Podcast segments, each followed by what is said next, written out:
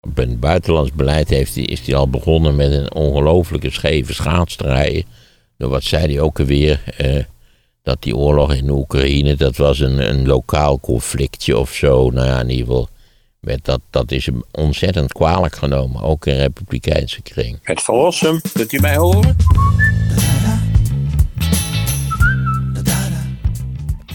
Het water had ik jou al gegeven, hè? Water, ja, ik heb mijn water. Onder water gaat het per slotverrekening niet. Ik weet ook niet hoe dat komt, maar ik, als, ik, als ik geen niks te drinken heb, dan loop ik gewoon na 10 minuten krijgen zo'n zorgelijk droge keel dat het niet meer goed gaat. Nee, maar dat is ook niet zo heel gek, denk ik, toch? Ja, lekker om te hebben. Ja, een kopje thee of een beetje water, dat maakt ook niet veel uit wat het is. Nee. Hey, wat wij nog niet besproken hebben is eh eh, de Santis. Althans, dat hij zich ook eh, kandidaat heeft gesteld nu. Ja, dat is waar. Ja, da- daar ben ik ook niet vreugdevol over gestemd, dat zul je begrijpen. Die man die voert eh, met name in zijn eigen staat een, eh, een buitengewoon ongelukkig beleid. Die stapelt eh, alle halfgare ultraconservatieve wetgeving stapelt die op. Natuurlijk in de aanloop naar, naar zijn kandidatuur. Die dan nu gesteld is. Overigens meteen ook het moment waarop het gesteld werd viel volledig in het water omdat hij zou een gesprekje hebben met Elon Musk op Twitter. Maar Twitter Spaces, ja. dat, dat, Dat mislukt helemaal. ja, dat mislukte. Wat ik dan wel weer komisch vind. Ik heb niet de indruk dat op dit moment althans eh, iemand zijn kandidatuur au serieus neemt. Hij schijnt nogal onhandig te zijn in het sociaal contact. Ja, hij heeft het in Florida goed gedaan, dat is, een, een, dat is zo. Maar in de peilingen ligt hij echt, echt 30 punten achter op Trump. Dus ja, het ziet er echt trumperig uit. Hoe, ook- positioneert hij zich eigenlijk? Nou, ik denk als eh, ultraconservatief, eh, maar niet Trump. Ja, dat, dat is de situatie waar natuurlijk de Republikeinse Partij geraakt is. Dat het, of je bent Trump en voor Trump, of je bent niet Trump en dan ben je tegen Trump. Maar Trump is alles bepalend voor wat de Republikeinse Partij gaat doen in 2024. Als hij afwezig is, waar het nu helemaal niet naar uitziet natuurlijk, dan eh, weten we niet precies wie het gaat worden. Dat kunnen ook. Er zijn ook anderen die zich kandidaat hebben gesteld of nog kandidaat zullen stellen. Maar het hele idee natuurlijk dat, dat met de Santis een soort, soort eh, redelijk conservatief eh, aanbod aan de orde is, dat is echt een grondige misvatting. Dit is allemaal van dezelfde gekkigheid en dit is allemaal van boeken verwijderen uit bibliotheken en, en nou ja, al die onzin die we daarover gelezen hebben. Er zijn ook mensen die zeggen het is Trump, maar dan fatsoenlijk. Nou, nee. Qua wetgeving zou ik ook zeggen. eh, ik- denk dat je in allerlei opzichten beter nog eh, Trump kunt hebben dan de Santis. Dat is toch van een, van een soort, soort ultra-conservatieve schijnheiligheid die, die, waar je niet gelukkig van wordt. Ja. Kijk, sowieso is de Republikeinse Partij zo grondig ontspoord. Je moet even Bert waarschuwen dat er weer achtergrondgeluid eh, te horen is. Ja, dit zijn winkelwagentjes waarmee vuilniszakken naar ons verzamelpunt worden gereden. Door studenten. Ja, door studenten. Denk ik En tenminste. die winkelkaartjes zijn natuurlijk meegenomen en nooit meer teruggebracht. Nee, dat is dat lot van het winkelkarretje. Ja. Vroeger geloof ik moest je dan een gulden erin gooien en dan eh, kon je er een meenemen. dat is en, nog steeds zo volgens mij. en dan kreeg je die gulden weer terug als je hem weer terugbracht, toch? Dat is nog steeds zo. Maar kennelijk vinden mensen een gulden of een euro niet eh, interessant genoeg. Nee, dus de Republikeinse Partij is eh, voorlopig volledig van het spoor. En moet je beschouwen als een, in allerlei opzichten een, een, een plaag voor het land. Eh, ook een land natuurlijk waar, waar vrijheid van meningsuiting toch centraal staat, zelfs via de constitutie.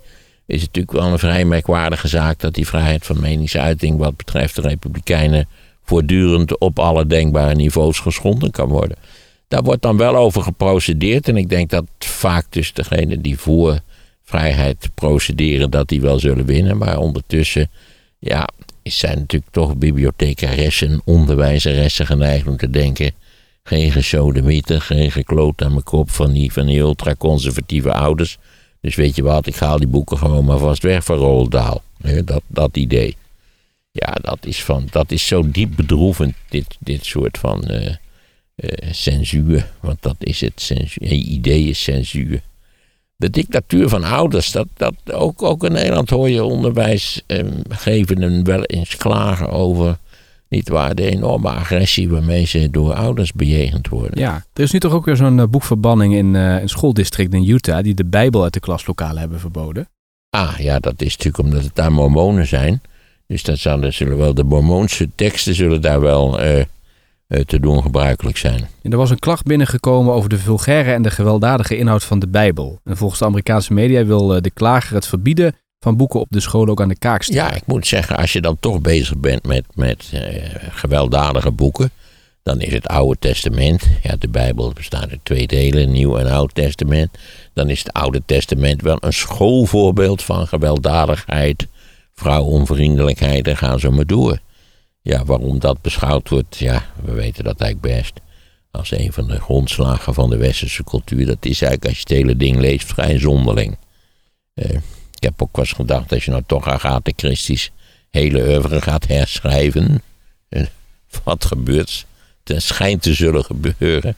Dan, eh, ik heb net nog een Agatha Christie gelezen. Ja, het gaat wel eens over natives en zo. En ze heeft geen hoge pet op van die Arabische gravers in, in zo'n eh, archeologische opgraving. Maar erg kan je toch niet vinden. Je weet hoe het zit.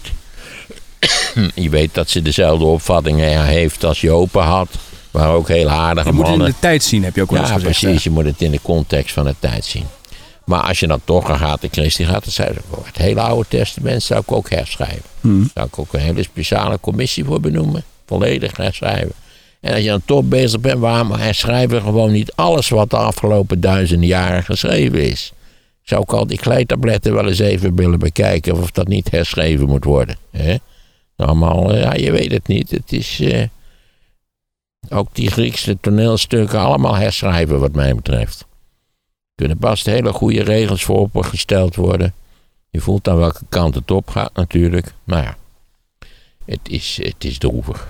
Ja, maar in Utah hebben ze eigenlijk, we hebben voortdurend de illusie dat we gewoon door nu hele fijne dingetjes te doen, excuses aan te bieden, herschrijven, dat we op een of andere manier dat verleden wat ons niet bevalt, dat we dat kunnen opruimen. Nee, dat kunnen we niet.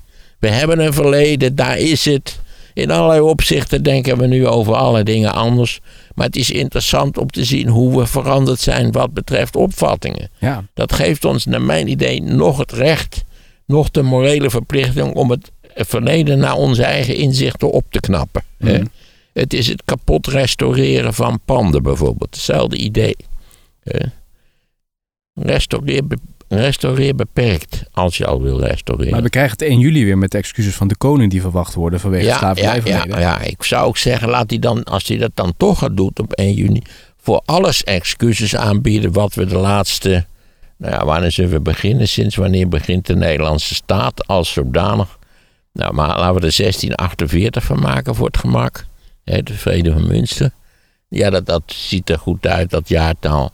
Als hij nou gewoon een, een beetje een geharnaste reden houdt met excuses sinds 1648. Hij kan het ook wat mij betreft punt voor punt even nalopen wat we allemaal verkeerd gedaan hebben. Kan hier en daar ook even aantippen dat ook allerlei andere mensen alles verkeerd gedaan hebben. Precies. Ik zie het wel zitten. En als hij het niet doet, moeten alle belangenverenigingen opstaan en zeggen van, Zeker, we zijn zeker. boos. Ja, en dan zeker ook financiële eisen stellen. Ja, ja, ja. We, kunnen daar niet, eh, we kunnen dat niet passeren zonder dat er ook eh, financiële offers worden gebracht. Hey, Maar nog eventjes over die Utah. Dat is op zich wel interessant. Ze hebben dus een lokale wet aangenomen. En dan mogen dus ouders meebeslissen over wat gezien wordt als gevoelige inhoud. Ja, nee, dat is overal. Het is niet alleen in Utah aan de gang. Dat is overal. Dat, hè, die- dat is ook wat de Santis in Florida heeft In de conservatieve staten. Ja, in de conservatieve staten is dit overal aan de gang.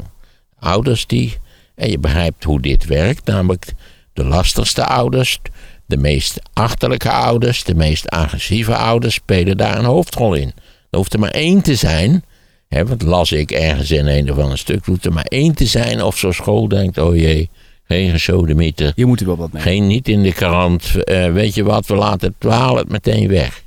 Eh, Niels Holgersson, een jongen op een gans, dat kan ook niet deugen. Eh, dat is ook een strijd met de Bijbelse wetgeving. Ze, ze voeren het, ze, ze zeggen we kunnen pornografische afbeelding kunnen we eerder dan detecteren en weghalen, zodat de kinderen daar niet mee in aanmerking komen. Dat Nou, is- en ik kan je verzekeren dat zij heel erg vaak pornografische afbeeldingen zien. Die kinderen. Nee, die ouders. Ja, maar het gaat om de Die kinderen. Die kinderen hebben van zichzelf niet een speciaal idee over pornografie. Dat is iets wat wij organiseren als je eenmaal volwassen Nou ja. bent. Ik, las, ik was laatst bij een lezing van een SP, eh, Eerste Kamerlid, of voormalig Eerste Kamerlid. En die zei, kinderen komen al heel snel door die mobiele telefoon in aanmerking met eh, pornografie. Zonder enige twijfel. Bijvoorbeeld die, eh, tippen, tikken ze in pushes, omdat ze die hebben gezien. dat is zo. Ja, dat is maar, zit maar één ding op. Dat is namelijk dat je ze die geen eh, op, eh, mobiele telefoons geeft. Dat je, dan zul je moeten accepteren dat ze via de mobiele telefoon, hoe dan ook. Want ook als je sommige dingen zou blokkeren, dan hebben ze in no time manieren gevonden om dat te omzeilen. Als je ze een mobiele te- telefoon geeft, geef je ze toegang tot het hele internet. ja, Maar het hele internet bevat prachtige dingen.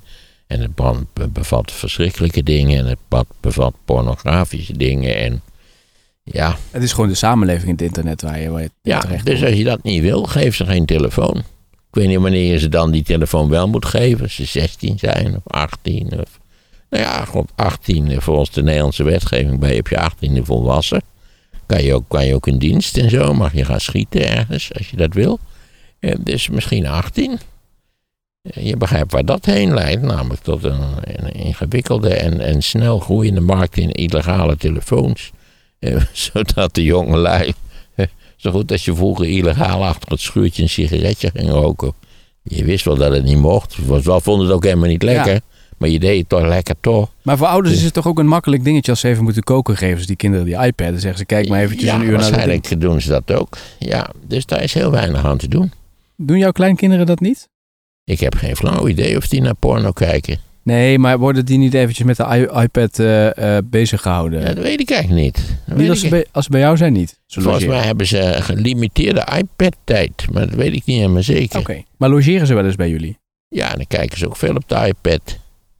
Althans, de jongste kleinkind kijkt veel op de iPad, ja.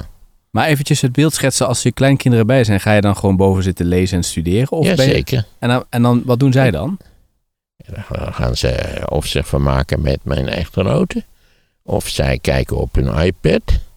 En, en wat ik wel, dat we wel doen, is dat we een rijtje eindje met je gaan rijden of naar een museum gaan. Mijn jongste kleinzoon is dol op het Militair Museum. Natuurlijk de laatste keer, een paar keer erg druk in verband met de vakantiedagen. Als het niet druk is, is het hartstikke leuk. Ik vind het zelf ook wel In interessant. Soesterberg, hè? In Soesterberg. Goed, leuk museum, interessant. Kan het aanbevelen of we gaan naar het Spoorwegmuseum. Ook leuk en interessant. Eh, of wandelen. Nou, de allerjongste heeft nou, de pest aan wandelen, dus dat wil me niet zo lukken. Maar ja, dat is wat ik doe. Maar ik ga niet de hele dag met mijn neusje op zijn iPad zitten steken. Ik kijk wel eens over hun schouder naar de iPad. En dan doen ze altijd van die spelletjes, waar die ik ook grafisch ook zo klunzig. Kan dat nou niet mooier en beter? Ik bedoel, als je weet wat Pixar kan qua animatie, wat, waarom is, zijn die spelletjes dan allemaal zo klunzig? Ook met van die rare sprongbewegingen erin, dat je denkt, wat is nou voor rommel? Ja. Ja, zo, dat is wat ik ervan zie dan. Ja. Het is ook qua kleur vaak ongelooflijk lelijk en vulgair. Het, ik kan er niet, eh, wat ik er over de schouders van gezien heb, kan ik daar niet over de loftrompet steken. Nog even over de Santis, hè, want daar begonnen we mee. Wat zijn nou de beleidsterreinen waar hij zich op wil profileren? Nou, kijk, de Santis, eh, die- afgezien natuurlijk van het eh, traditionele eh, conservatieve economische beleid wat ze zullen willen voeren, maar wat ze in de praktijk nooit voeren. Hè, zuinigheid en zo. In de praktijk blijken de Republikeinen vaak nog een stuk onzuiniger te zijn dan de Democraten. Maar waar, waar de Santis op mikt, wat duidelijk zijn strategie is, is, zijn, zijn de, is de culturele oorlog. Dus tegen, tegen wokism. Dat, dat is het idee. Ja. Hij, hij, hij zegt dat, dat Amerika dreigt natuurlijk in handen te geraken van, van linkse ideologen die verschrikkelijke dingen willen en die tenslotte het ware ethos van de Amerikaanse samenleving, niet waar, zeg maar, het Clint Eastwood ethos, eh, gruwelijk zullen verstoren. Opgelegde diversiteit en Ja. gelijkheid. En, daarmee spreekt hij natuurlijk een groot deel van die, van die nou, komen we weer terug, van de blanke bevolking, die, die, die natuurlijk ook een hele onderstroom van racisme nog steeds kent. Eh, in het Great American Heartland, mensen die het ook niet makkelijk hebben gehad de afgelopen halve eeuw. Nou ja, dan heb je een grote trek het electoraat van de Republikeinse Partij. Het schijnt ook dat hij het beleid dat in Florida geldt, dat hij dat landelijk wil implementeren. Hij heeft ook een leus Make America Florida. Ja, je moet er niet aan denken. Het is toch al zo'n klote staat, Florida. Ja, behalve de kust. De kust is mooi. Maar de binnenlanden van Florida, daar ben ik wel eens doorheen gereden. Dat deed mij denken aan de veenkolonie in Drenthe. Maar ook een armetierige boel, eerlijk gezegd. Ja, aan de kust is het allemaal heel rijk en leuk. En bootjes en hotels en gaan ze maar door. Eh, En, en in binnenlanden van Florida, daar word je niet vrolijk van. Hoe ziet het er daaruit dan? Armetierig vond ik. Nou is het ook alweer, weet ik hoeveel lang geleden dat ik er was. Maar het- ik vond het wel een armetierige boel, ja. Ander punt wat hij wil is, hij wil het makkelijker maken om nieuwsorganisaties aan te klagen voor smaad. Ja, ja. Dat eh, zal hij wel vinden. Dat is denk ik geënt deels op Engelse wat wetgeving die veel strenger is op dit punt. En, en ook daar zou ik zeggen is natuurlijk terughoudendheid eh, geboden. Want je begrijpt hoe dit gebruikt wordt. Namelijk dat, dat vooral politici dan eh, eventueel wettelijk wat meer uit de wind gehouden zouden kunnen worden. Ja. Als ze betrapt worden op de bekende leugencampagnes, onbeschrijfelijke kletskoek enzovoort. Dus is vooral ook een beetje eigen belang wat Zonder daarmee meer. Zonder meer. Dus ik zou op dit punt zeggen, nou, wees terughoudend. Maar goed, daar heb je ook een constitutie in de Verenigde Staten waar eh, eh, in ieder geval een punt in zit eh, ja, waar de vrijheid van meningsuiting centraal staat. Ja. Dit is ook wel een opvallende. Hij is voorstander van het dragen van vuurwapens zonder vergunning. Ja, dat is natuurlijk in Amerika een volstrekt hopeloze zaak. Moet je daar verder van zeggen? Het land is gek. Althans, een deel van het land is gek. Je moet eigenlijk in Amerika steeds zeggen: een deel van het land is knettergek. Eh, en, en iedereen weet wat de gevolgen zijn, nietwaar? Van, van die obsessie met, met vuurwapens die in Amerika een deel van de bevolking heeft. Ja, nou, dat aan een lopende band idiote schietpartijen zijn die altijd ten koste gaan natuurlijk van onschuldige burgers. Ja. Maar dus ondanks dat dat gebeurt en dat de Amerikanen dat ook zien, zijn er dus toch nog wel mensen die hierop aanslaan Nou, zeggen... heel veel Amerikanen vinden dat het, het hebben van vuurwapens, dat is de, Dat de erbij. basale vrijheid. Cultuur toch ook De daar. enige manier om je de, om de, hoe heet het, van het lijf, de overheid van het lijf te houden, dat is dat, dat je flink wat vuurwapens moet hebben. Hè?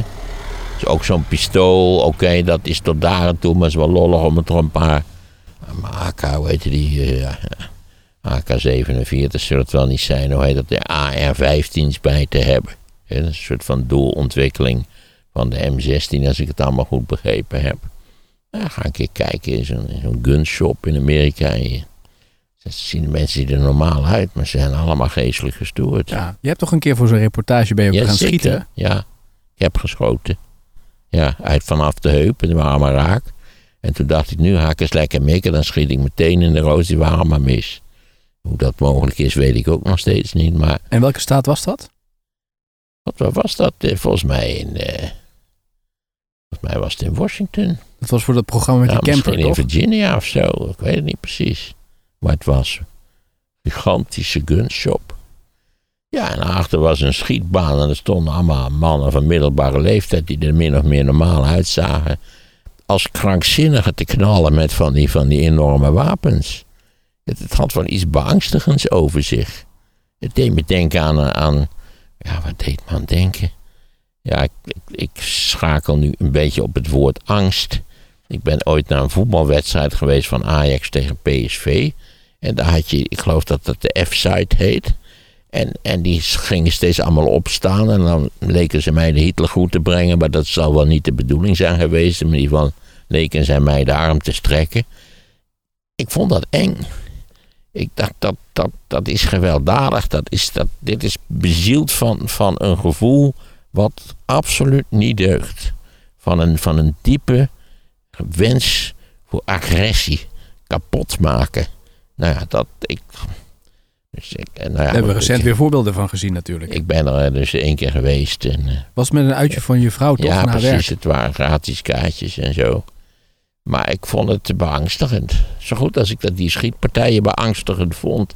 Het, het, het heeft toch allemaal iets te maken met, met een, een soort van wens tot gewelddadigheid. Dat, ja, als je natuurlijk zo'n idioot gaat staan schieten met zo'n AR-15, is er natuurlijk iets met je mis. Maar vonden die Amerikaanse mannen het normaal? Werd dat gezien als het Ja, uitje op zaterdag? dat helemaal normaal. Die hele winkel stond vol met Amerikaanse mannen en vrouwen overigens. hoor. Het was niet zo. Die lekker te knallen. ja, lekker knallen. Ja, en toen heb ik, ik heb het kleinste pistooltje wat je kon krijgen, geloof ik, daar heb ik toen mee geschoten. Maar heb je bespreekbaar gemaakt dat jij dit, dit gevoel, heb je dat daar op tafel gelegd? Van dat je het toch wel opvallend ja, dat ik het raar vond of eng vond, dat heb ik volgens mij wel gezegd. En wat ja. zeiden ze toen? Niet tegen die Amerikanen, ik denk gewoon voor Oh. de camera. Oh ja. Nou ja, het heeft weinig zin om tegen die lui die net niet waren eh, een half uur hebben staan knallen. Te gaan zeggen van u bent niet goed snik. Ja, dat is wel mijn overtuiging dat je niet goed, goed snik bent. Ja. Maar als je er natuurlijk in opgegroeid bent. Je vader is ook een, een, een, een gun type. Wat dan? Ja. En wat zei Hillary ook alweer? Of nee, wat zei, wat zei Obama ook alweer? Was daar guns en bibles en zo. Ja, sorry, ik ben het er 100% mee eens, maar het wordt gezien als beledigend en dat zou je niet mogen zeggen. En, nou ja, die mensen die hebben hun eigen idealen, het zijn hele rare idealen natuurlijk. Eh, dat, je, dat, dat vuurwapens een, een essentieel onderdeel uitmaken van, eh, van, de, van, laten we zeggen, van de maatschappelijke gebeurtenissen. ja. Nog een punt van DeSantis. Hij is voor de doodstraf en hij heeft zelfs een wet getekend die het ook makkelijker maakt om eh, capital punishment, zoals dat heet, toch op te leggen. Ja, nou ja, Amerika was natuurlijk traditioneel op grote schaal voor de doodstraf. In, in verreweg het grootste aantal staten wordt de doodstraf, die bestaat daar nog wel, die is wettelijk nog wel toegestaan, maar die wordt eigenlijk niet meer toegepast. Je zou eens moeten kijken hoe, lang geleden het is en dat er in Massachusetts iemand ter dood gebracht is. Eh, Maar er zijn natuurlijk een aantal staten die er nog wel aan doen. Ik meen Texas. Kennelijk eh, vindt de Santis dat het in, eh, in Florida weer eens opgewekt moet worden. Heel veel mensen die nooit hebben gedacht over, over straf of doodstraf, die zeggen, ja, moet het ter dood gebracht. Het is zo erg dat ter dood moeten ze. Nou ja, in Amerika is het sowieso al zo dat je zegt, nou ja, de doodstraf, eh, dat mensen dat kunnen denken in hun verwardheid, dat is tot daar aan toe.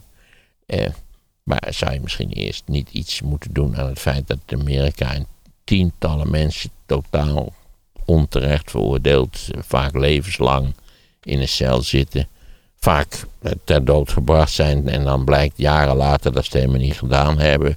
Eh, op dit punt is natuurlijk de Amerikaanse strafrechtspleging die deugt voor geen meter. Eh, dat is een schandelijke, sterk racistisch, eh, op sterk op racistische sentimenten geënt proces. Dus nee, ja, ik ben zelf een uitgesproken tegenstander van de doodstraf.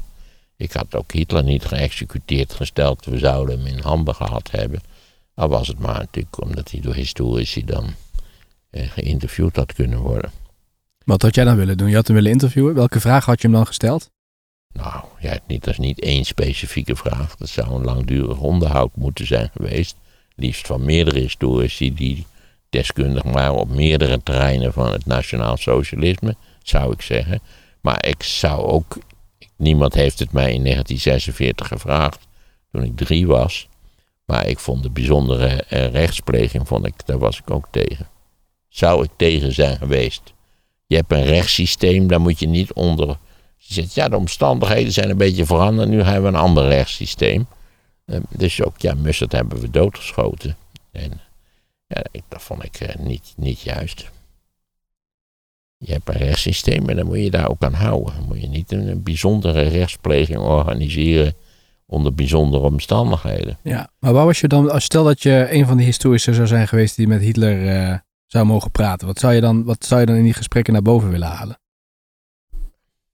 Van alles en nog wat. Ik zou, dat, is een heel, dat, zou een levenswerk zijn, bij wijze van spreken. En ik zou in het bijzonder natuurlijk historici raadplegen die zich een leven lang met Hitler bezig hebben gehouden. Die, ik zou niks, zelf ben ik geen, geen Hitler-deskundige. Het is meer in, in brede zin zou die dan, eh, laten we zeggen, eh, door historici verhoord, of verhoord, ja misschien moet je dat wel zo noemen, zijn. Dat lijkt mij een prima idee. Maar zou je dan bijvoorbeeld vragen, waar komt jouw haat jegens de Joden vandaan? Bij wijze van spreken. Ja, nou dat weet je in grote trekken wel. Hij heeft natuurlijk de Mijn Kamp geschreven. Nou, niet geschreven, maar gedicteerd. En er is ook nog een tweede deel. En we weten natuurlijk een hoop van Hitler. Maar er zijn ook terreinen waar we minder geïnformeerd zijn. Vooral bijvoorbeeld hoe ben je aan je antisemitisme gekomen. Want je hoort dan dat hij dat eigenlijk in Wenen in zijn jonge jaren niet was. Dat is kennelijk later gekomen. Hoe dan precies? Ja, ik zeg, dat zou ik allemaal wel graag willen weten. Het gaat mij in brede zin erom dat, dat ik. Doodstraf is simpelweg niet juist. Lijkt mij. Dus stel dat... Het nemen van een leven is niet aan de overheid. Nee, nee. Dus stel dat Poetin ooit, het gaat natuurlijk nooit gebeuren voordat het gerechtshof in Den Haag komt, hè, waar ze de, de ja, Oekraïne... dan, moet hij, dan moet hij daar in de cel. Zoals ook eh, met die eh, ver- veroordeelden al daar gebeurd is. Die zijn er opgesloten in een cel. Nou, weet je ook alweer, die, eh, die, die is voortijdig overleden natuurlijk. Milosevic. Voortijdig overleden. Maar Mladic en Karadzic, die... Is Mladic ook dood ondertussen? Dat moeten we even opzoeken. Ja, dat zou ik dus niet weten. Maar goed, die zijn dus niet ter dood gebracht of zo. Terwijl ja, je, ze allerlei mensen zullen zeggen: het is, zo verschrikkelijk wat ze gedaan hebben. Ze hadden ter dood gebracht moeten worden. Maar kijk, als je principieel tegen de doodstraf bent, dan moet je onder alle omstandigheden tegen de doodstraf zijn. Hij is 81. Hij leeft nog, eh, Mladic. Hm. 12 maart 1942 is hij geboren. Kijk, nou, hij is eh, een jaar ouder dan ik. Dat is wel interessant, dat, eh, want eh, dat, dat huis van Hitler hebben ze toch opgeblazen, ook omdat ze bang waren dat het een soort van bedevaartsoord werd. Ja.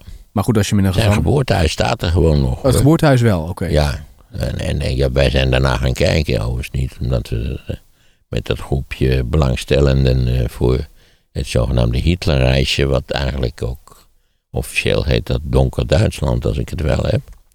Maar aan dat geboortehuis is niet veel te zien. En het is ook niet zo dat allemaal eh wenende nazistische bejaarden staan of zo. Nee, En er is Dus, ook niet, er is ook het niet een is vlag. bepaald niet erg inspirerend, de locatie. En er staat ook geen bord van dit hier is Hitler geboren. Nee, nee dat, dat, dat begrijp Dan moet je wel. zelf een beetje opzoeken online. Ja, je moet het weten dat het daar is. En het is natuurlijk ook al veel gefotografeerd en zo.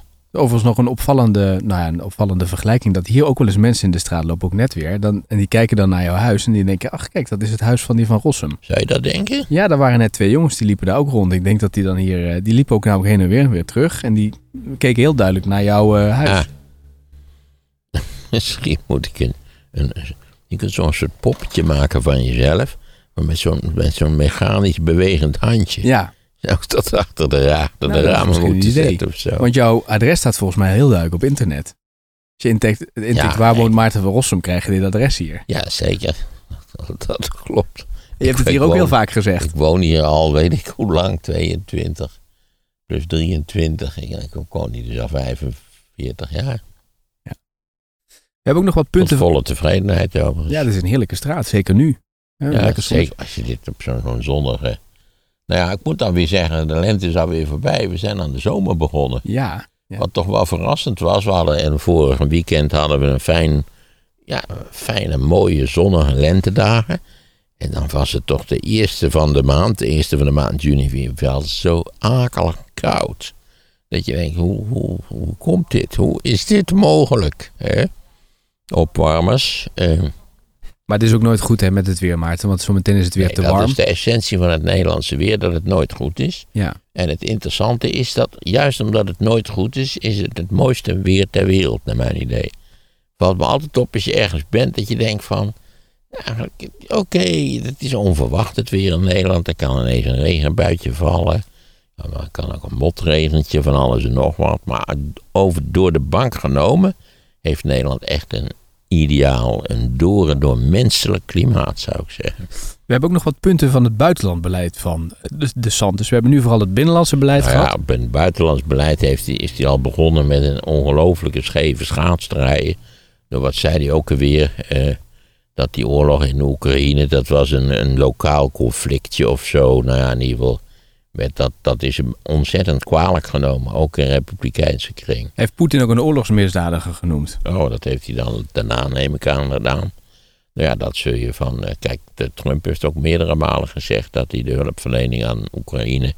dat hij het daar helemaal niet mee eens is. De hele rechtervleugel van de Republikeinse Partij is het, zegt het daarmee niet eens te zijn. Heeft ook bij de tussentijdse verkiezingen vorig jaar regelmatig gezegd: we moeten daar serieus naar gaan kijken. Dat is tot op heden dus niet gebeurd. Dit sluit meteen weer een beetje aan bij de oplossing van het kredietplafondcrisis. Die in feite eh, door Biden eh, uiteindelijk prima behandeld is. Ja, hij zal concessies moeten doen, maar in feite veel minder dan iedereen gedacht had. En daarmee is dit toneelstukje weer voor de zoveelste maal opgevoerd. En voor de zoveelste maal heeft het tot het, precies hetzelfde resultaat geleid. Ja, een land wat zo geregeerd wordt, wat wel bewust, niet waar, door een van beide politieke partijen zo geregeerd wordt, daar word je niet gelukkig van. Ja. Maar zien we dan hier een duidelijk verschil tussen de Santis en Trump? Dat Trump meer een Poetin-knuffelaar is en de Santis toch iets kritischer is naar Poetin? Nou, dat weet ik niet. Dat weet ik niet. Ik denk dat je bij beide moet spreken van, van een diep gewortelde isolationistische impuls van... we worden toch overal belazerd in de wereld en we hebben eigenlijk niet zoveel te maken met de wereld. En eh, kortom, eh, wat we doen in, in Europa wat we doen ten aanzien van de Oekraïne is toch eigenlijk weer die, die vervelende Europeanen helpen. Die kennelijk zelf niet in staat zijn om uh, dat op volledig en uh, op de juiste wijze te doen. Eh, de Sanders wordt ook een boezemvriend van Israël genoemd. Dus daar heeft hij dan wel warm in, in, in Amerika is iedereen een boezemvriend van Israël. Het is daar gewoon, dat zit ingebakken in de politiek, dat je een boezemvriend van Israël Hoe komt dat? Ja, hoe komt dat? Ik denk dat dat deels komt door politieke oorzaken. Dat het vaak handig was. Natuurlijk, eh, het, eh, de Joodse bevolking in de Verenigde Staten is betrekkelijk invloedrijk. Die is altijd goed georganiseerd geweest. valt me altijd op ook op de luchthavens. Ja, overigens is die Joodse gemeenschap natuurlijk eh, net, denk ik, als in Nederland verdeeld. je hebt een, een, aanzienlijk deel van de Joodse gemeenschap wat enorm pro-Israël is. wat Israël ook doet, toch, toch dat ziet als de Joodse staat waarvoor je uiteindelijk als puntje bij paaltje komt moet opkomen. En er is natuurlijk een, liberale Joodse gemeenschap die, die, natuurlijk het optreden van Israël zeer, zeer betreurt en heel kritisch is ten aanzien van het door Israël gevoerde beleid. Dat is bij mij weten in Nederland niet dat ik het gedetailleerd volg, maar dat is bij mij weten in Nederland precies zo. Hier heb je toch ook een ander geluid, heet dat, of een ander Joods geluid. Ja, dat is ook heel begrijpelijk natuurlijk gezien het gedrag van de staat Israël. Wat bepaald geen, eh, geen vredesprijsje verdient. Dus dat hij daar een boezemvriend mee is, is niet zo gek. Nee, dat, is, in Amerika is het, als je, als je zou zeggen, nou, ik heb toch wat bezwaren tegen het door Israël gevoerde beleid. En, eh, hoe is het met die twee statenpolitiek en waar moet dit eigenlijk heen? En die neemt dan, ja, hoe, hè, stel je voor dat je die litanie zou, uh, zou voor te, te, horen zou brengen dan denk ik dat je dat eh, meer politieke schade berokkent dan om of Israël te prijzen of er niks over te zeggen. Hmm. Een ander punt, fel anti-China-beleid voert hij ook. Hij heeft uh, Chinese investeringen in Florida ontmoedigd. En als kandidaat in SP is hij ook naar de bondgenoten Zuid-Korea en Japan gegaan. Ja, nou ja, dat is tegenwoordig te doen gebruikelijk in, in de Verenigde Staten, dat je fel anti-China bent. Dat zijn ze allemaal. Daar is Trump mee begonnen natuurlijk. Maar in feite heeft Biden dat gecontinueerd. dus dat moet hij wel doen? Ja, ik denk dat je, dat je het moeilijk zou hebben als je zegt van nou, dat valt allemaal erg mee. En, en we moeten eens met die Chinezen gaan praten. Het probleem is dat die Chinezen ook reciprokeren, hoe heet dat? Laten we zeggen, hetzelfde gedrag terug vertonen. Je had nu net die, die kwestie dat die, dat die Amerikaanse minister van Defensie zei, of de chef van staven, dat weet ik niet precies, maar in ieder geval een van die topmilitairen dat het handig zou zijn om over crisis eh, met de Chinezen te praten, wat je in zulke gevallen zou moeten doen. En ja, de Chinezen weigeren daar dan over te praten. Dat begrijp ik dan weer niet. Tegelijkertijd zie je bij de Chinezen natuurlijk wel dat ze, dat ze de Amerikaanse eh, retorische aanpak eh, beantwoorden met eigen eh, retorische aanpak. Maar dat ze ten aanzien van Europa eigenlijk een zeer verzoeningsgeleid, eh, verzoeningsbereid beleid eh, vertonen. Waarmee je natuurlijk weer, weer kunt zeggen, wat zonder meer een feit is, eh, dat natuurlijk China eh, enorm afhankelijk is van, van wat zich in de wereldmarkt afspeelt. er wordt altijd gedaan alsof China, dat wij allemaal enorm afhankelijk zijn van China en China eigenlijk nergens afhankelijk van is. Dat is natuurlijk de grootste mogelijke flauwekul. Ik weet ook eerlijk gezegd helemaal niet of die eh, zeer omvangrijke Amerikaanse investeringen in China ondertussen dan ook, laten we zeggen, structureel in hoog tempo worden afgebouwd. Eerlijk gezegd geloof ik daar niks van. Dat is, het, het is deels retoriek allemaal. Ja, politie vinden dat fijn. Hè. Ja, lekker vijandbeeldje, daar zit je altijd goed mee. Hè. Dus hij ontmoedigt het wel in de media, maar of het daadwerkelijk ook gebeurt, dat is Ja, dat zou ik wel eens. Nogmaals, het in, in Europa voeren ze. Nou ja, die, die, heet het, die, die, een van die, van die chefs daar. Die is hier toch zeer kort geleden rondgereisd. Eh, om eigenlijk te zeggen: joh, niks aan de hand. Blijf investeren, is niks mis mee. Eh, ja. ik, maar goed, ik heb me eerder eh, uitgelaten over de onbeschrijfelijke, onverantwoordelijke en volkomen achterlijke kinderlijkheid infantilisme van een Amerikaans-Chinese politiek of van, de, van die hele verhouding. is nergens goed voor. Niemand wordt daar recent wijzer van. Ja. Nog één laatste puntje wat betreft het buitenlandbeleid. De Santis is tegen het opleggen van de Amerikaanse waarden aan andere landen. Ja, dat is een bekend geluid in een republikeinse kring. Ik herinner mij dat ook de jonge Bush op dat zo begonnen is. Kijk, heb je zo'n typische open saaprijder. Ja, dat ze nog Dat is een rondrijden. heel, ja, een heel bepaald slag man. Is Een dat. cabrio, cabrio Ja, saap. Een Saab Cabrio. Ja. Structureel een van de zwakste auto's, geloof ik, die ooit gebouwd zijn. We hebben daar trouwens nog reacties op gekregen, omdat we het de vorige keer erover hadden, omdat Rutte niet in Ja. zo'n auto, maar in ook een Saab rondreed. En toen zei iemand van, je, wist je dat Saab ook betrokken is bij de onderzeeërs, het bouwen daarvan? Saab is een vrij omvangrijk concern. Ook vliegtuigen natuurlijk. Ze hebben een goede... Klopt. Zweden bouwde zijn eigen straaljager. Dat noemde jij toen ook, maar je bent de onderzeeërs vergeten. En daar zijn we toen nog op geweest. onderzeeërs zijn we vergeten. Oké. Ja, waarom niet? Als je die dingen toch wil hebben, dan kun je ze beter lokaal bouwen. Ze zijn enorm duur. En ja, om nou een onderzeeër in China te kopen, dat is ook een... Je voelt wel dat dat niet lekker zou vallen Nee. natuurlijk. Nee. Ja, dus de, ik weet, herinner mij de jonge Bush die ook in zijn verkiezingscampagne met diezelfde boodschap kwam. Ja, Amerika moest niet zijn normen en waarden ople- opleggen. Je begrijpt wel waarom natuurlijk, omdat dat leidt tot allerlei interventies en, en buitenlandse avonturen. Nou, en de jonge Bush, zoals je weet, na 9-11, nietwaar, hebben ze Irak aangevallen. Afga eerst Afghanistan, toen Irak. En ja, eigenlijk toch ook weer met het idee, wij gaan daar de democratie brengen. Kortom, Amerikaanse waarden. Ja, dat is nooit verstandig om dat te doen.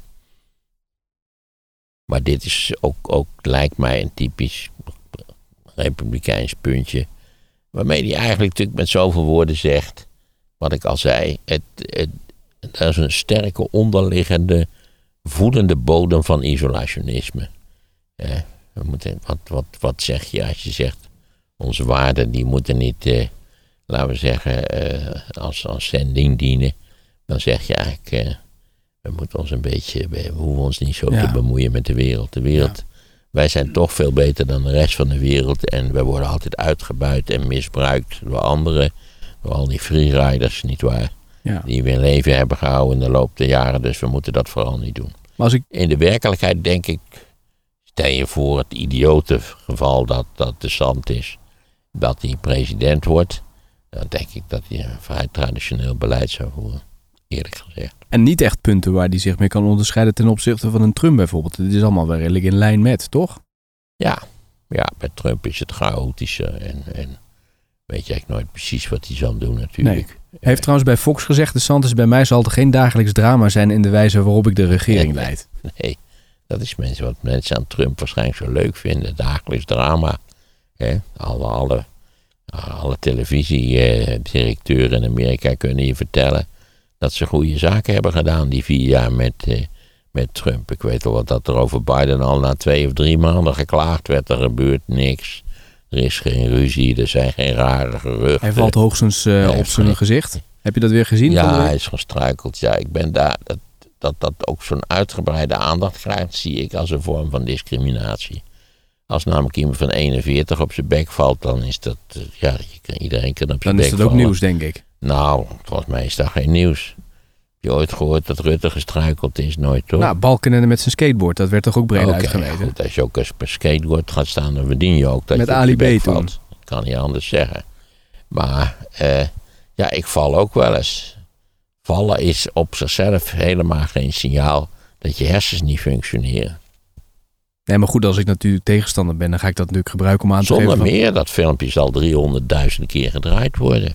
Dat is typisch televisie. Hè? Er gebeurt iets totaal onbelangrijks, namelijk oude man valt over een kabeltje of zo.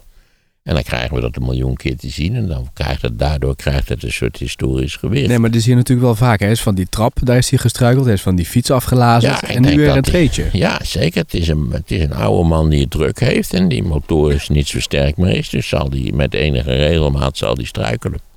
Hij doet er verstandig aan. Wat ik bijvoorbeeld altijd doe. Ga niet vlot een trap oplopen omdat je het wil demonstreren dat je het nog best kunt.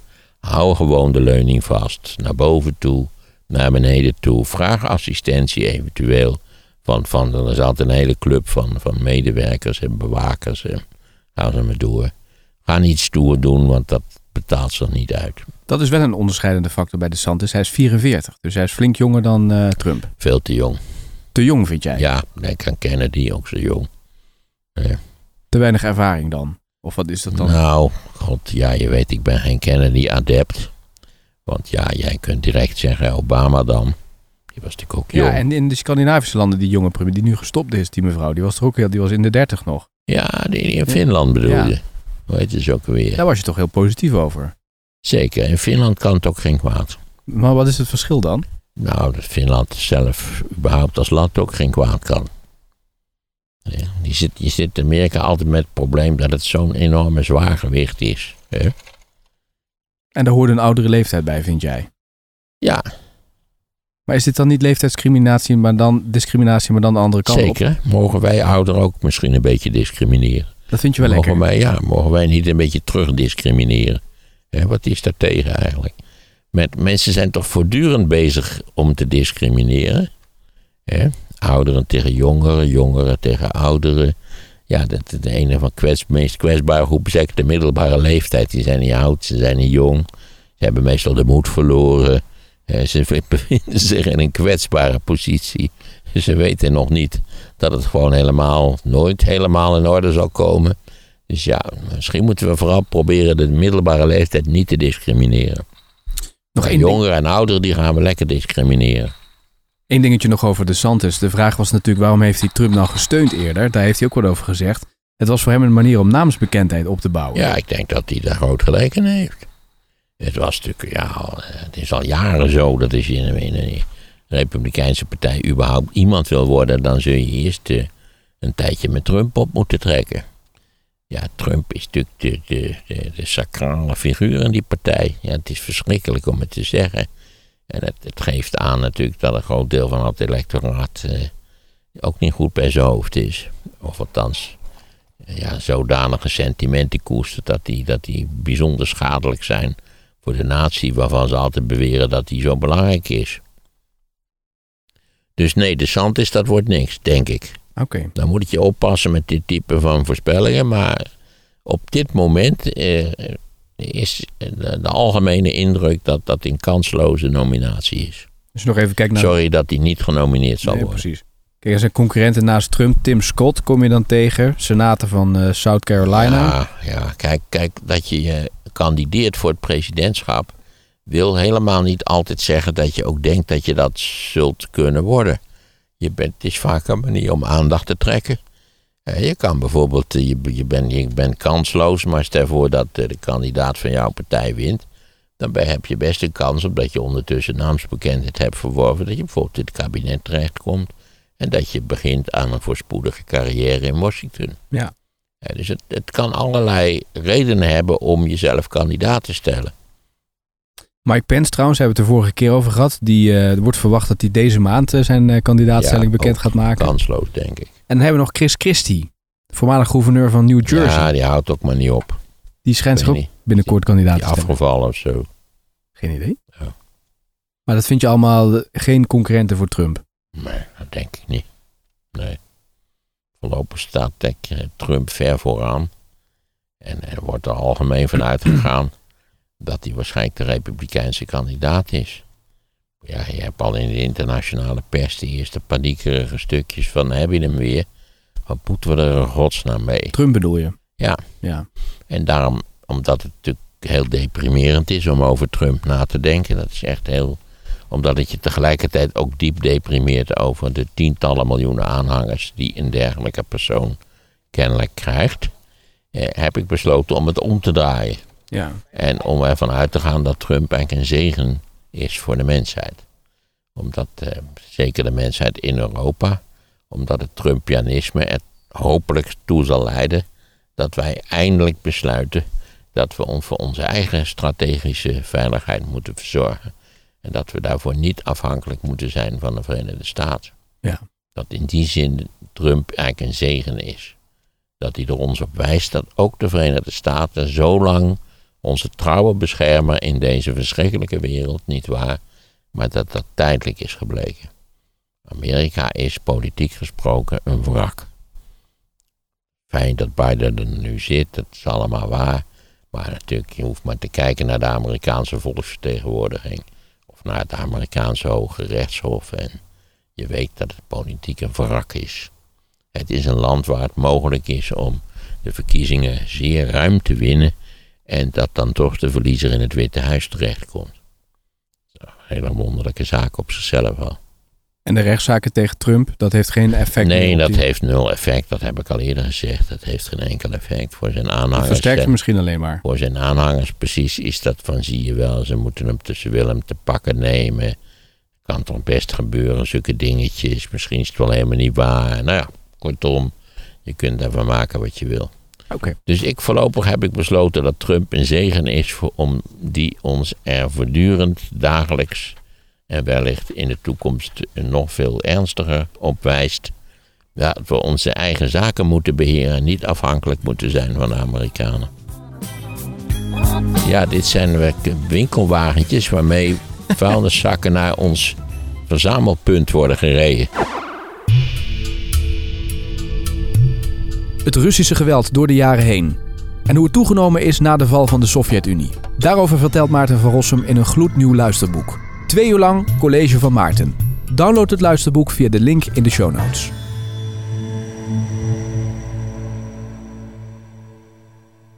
Waarom het belangrijk is om voldoende slaap te pakken en waarom je je mobiele telefoon s'nachts niet op je nachtkastje moet leggen. Daarover hoor je nu de podcast Sea Level. De link naar de aflevering vind je in de show notes.